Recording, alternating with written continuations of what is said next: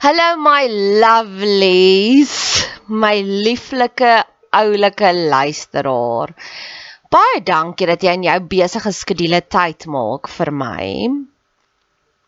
As jy meer inligting wil hê, gaan soek my op Bet Seber op Facebook, TikTok, Instagram, maak kontak as jy wil. Ek hou daarvan om van my luisteraars te hoor en ek het nou onlangs 'n kort videoetjie gemaak van een van my luisteraars hoe sy die mooiste terugvoer gegee het. So wie weet, dalk gebruik ek jou terugvoer ook iewers as 'n leergeleentheid.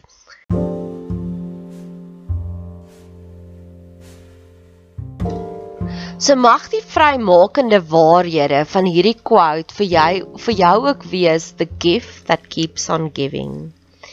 Every time you don't follow your inner guidance, you feel a loss of energy, a loss of power, a sense of spiritual deep deadness. Shakti Gavath. So kom ons praat daaroor. Is jy 'n lewegewer of 'n lewevatter? Jy weet party mense dan kuier jy by hulle en dan na die tyd voel jy net so moeg en so uitgeput. Of is jy een van daai mense wat every little thing you do is magic. Alles wat jy doen, of dit nou 'n gevorderde klip is wat jy aanstuur, dis lewegewend. Of jy nou 'n vinnige opmerking gee, dis lewegewend. Johannes 14 vers 19 sê in Engels, "The world will no longer see me, but you will see me. Because I live, you also live." So nader ons aan Jesus is en hoe meer ons hom sien, hoe meer gaan ons lewe aangee. Ek het in my vorige pot gooi ook gepraat oor die joernalis in my lewe. En letterlik elke liewe ding wat sy sê, gee lewe. Of sy nou 'n artikel skryf, of sy nou vir my persoonlike boodskap skryf, of sy vinnige daaglikse update skryf van wat in haar lewe gebeur, dit gee hoop dit gee lewe. En ek glo dat dit lê daarin dat jy volg jou eie kompas van jou lewe. En omdat jy dit dit so getrou doen, is every little thing you do is magic. Mag jy dit net meer en meer besef om jou eie kop te volg, om jou eie hart te volg. Dis daar waar die magic lê. Dis daar waar die lewe gee. Ek was verlede week was ek 'n kruit, 'n crayon in 'n kinderbeskermingsweek. Maar die organiseerder wou gehad het ek moes baie meer tyd gegee het en ek het wel gesê ek gaan vir jou net 2 ure van my tyd gee om die kruit te wees. Dis 'n mascot, maar jy is welkom om vir die res van die dag ander spanlede te delegeer om die kry te wees. En laat Vrydag aan stuur sy hierdie boodskap van hulle ander groepie af, die formele volonteersgroepie. Ek is net 'n buitestander wat bietjie help. En hulle sê, "Hulle hou van daai kruit. Ons wil daai kruit by almal hê." Ek was in 'n suit. Niemand het niks van my gesien nie. Ek was 'n mascot want ek glo daaraan om so baie tyd by die Here te spandeer, maak dit dit uitstraal na ander toe. Mag jy dit ook beleef. Mag jy dit ook kry dat elke keer wanneer jy jou innerkompas volg, gee jy lewe aan. Gee jy hoop aan. Om lewe aan te gee, om hoop aan te gee, is daardie films wat vir jare lank by jou bly. As ek sê Legends of the Fall, het jy al klaar gevoel in jou hart. Daar is sekere dinge wat aangegee word wat vir ewig by ons bly. 'n Goeie preek. 'n Preek waarna jy luister wat jou lewe vir altyd verander. 'n pot gooi waarna jy luister. Die Kuwait dinar is die hoogste geldeenheid in die wêreld. 1 Kuwait dinar is gelyk aan 3 dollar 50. 1 Kuwait dinar is gelyk aan 50 rand. En hoe nader jy aan die Here lewe, ek glo word jy elke keer ge-upgrade. En hoe nader jy, hoe meer jy jouself kies die heeltyd en sê dis wat ek wil hê. Hoe elke keer word jy ge-upgrade na 'n nuwe geldeenheid toe. So jy begin by Zimbabwe dollar, dan word jy Suid-Afrikaanse rand, dan word jy Amerikaanse dollar en dan word jy Kuwait dinar. Ek dink dis wat beteken word met die gelykenis van die 10 maagde. Die 5 wat hulle lampies vol gehou het, is die 5 wat op daardie volgende frekwensie resoneer want hulle volg hulle hart. Hulle is nie net 'n skapie nie. Jy kan dit hoor en dit sien in die debat met teen-inenting vir inenting, anti-vaxxers of vaccinationers. Mense wat so vashou aan watter kant van die paal hulle ook al is, dis gewoonlik mense wat so passievol is oor die lewe. Dis gewoonlik daardie mense waar jy spandeer 'n halfuur saam met hulle en jy voel ek kan nou Kilimanjaro gaan uitklim. Dis hoeveel energie hulle vir my gegee het. En die volgende quote wat ek ook vir jou jou lewe mee wil verryk is: To know what you prefer instead of humbly saying Amen. To what the world tells you you ought to prefer is to have kept your soul alive.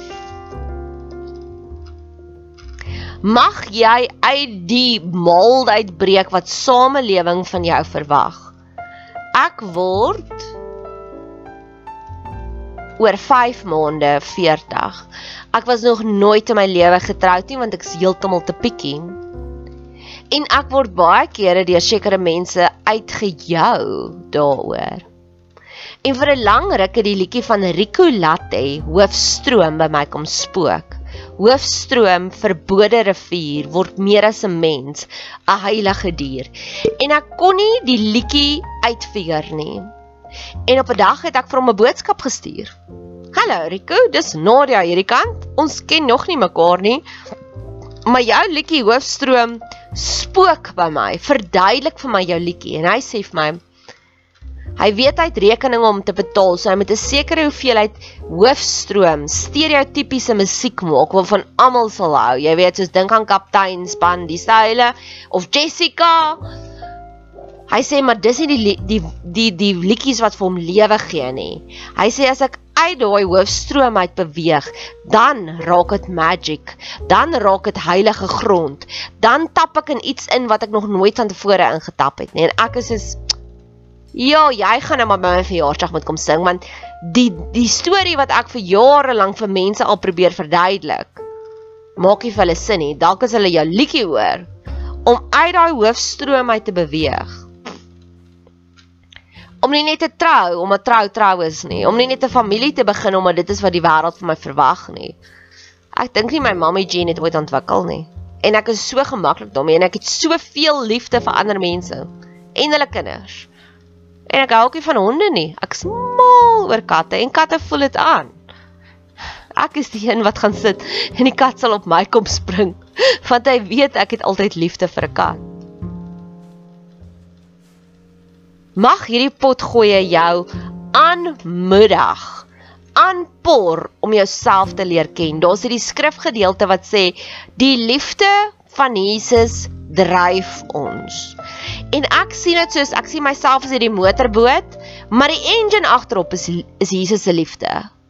Dit por my aan, dit motiveer my aan en oomblikke soos hierdie is wanneer ek op my lewendigste voel. My siel voel nie dood nie want ek vertel vir jou Waar lê die magic?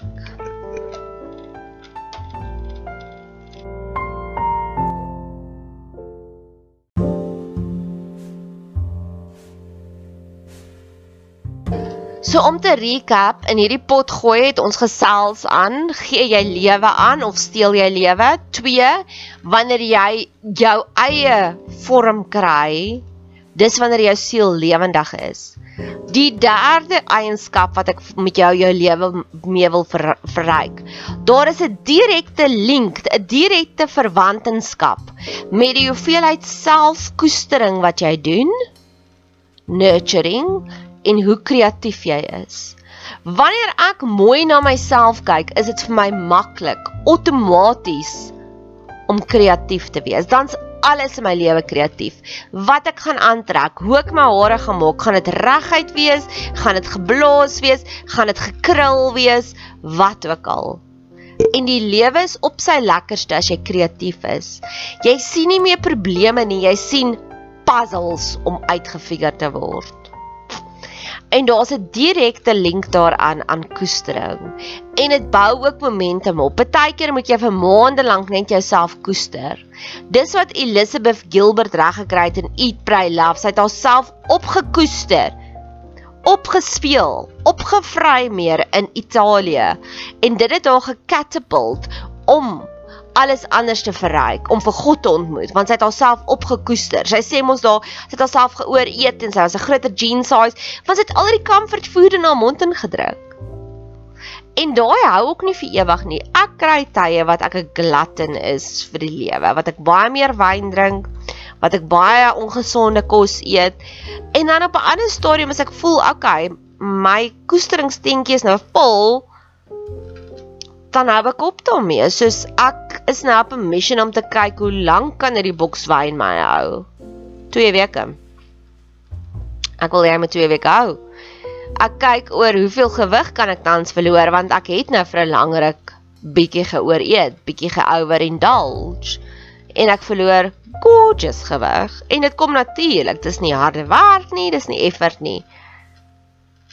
En tans koester ek myself, ek is besig om vir myself die lekkerste pot hoendersop te maak, want ek het dit Saterdag aand geëet vir aandete en ek is soos, ag, my siel verlang na Nadia se hoendersop.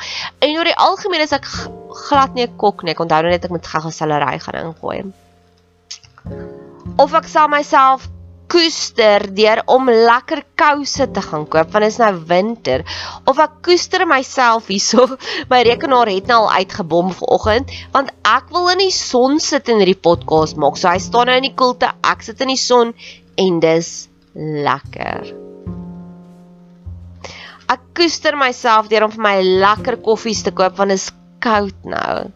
Ek dink ek gaan nou net vir my of môre vir my chai tea weer koop mag jy daagliks maniere kry om jouself te koester. Ek koester myself.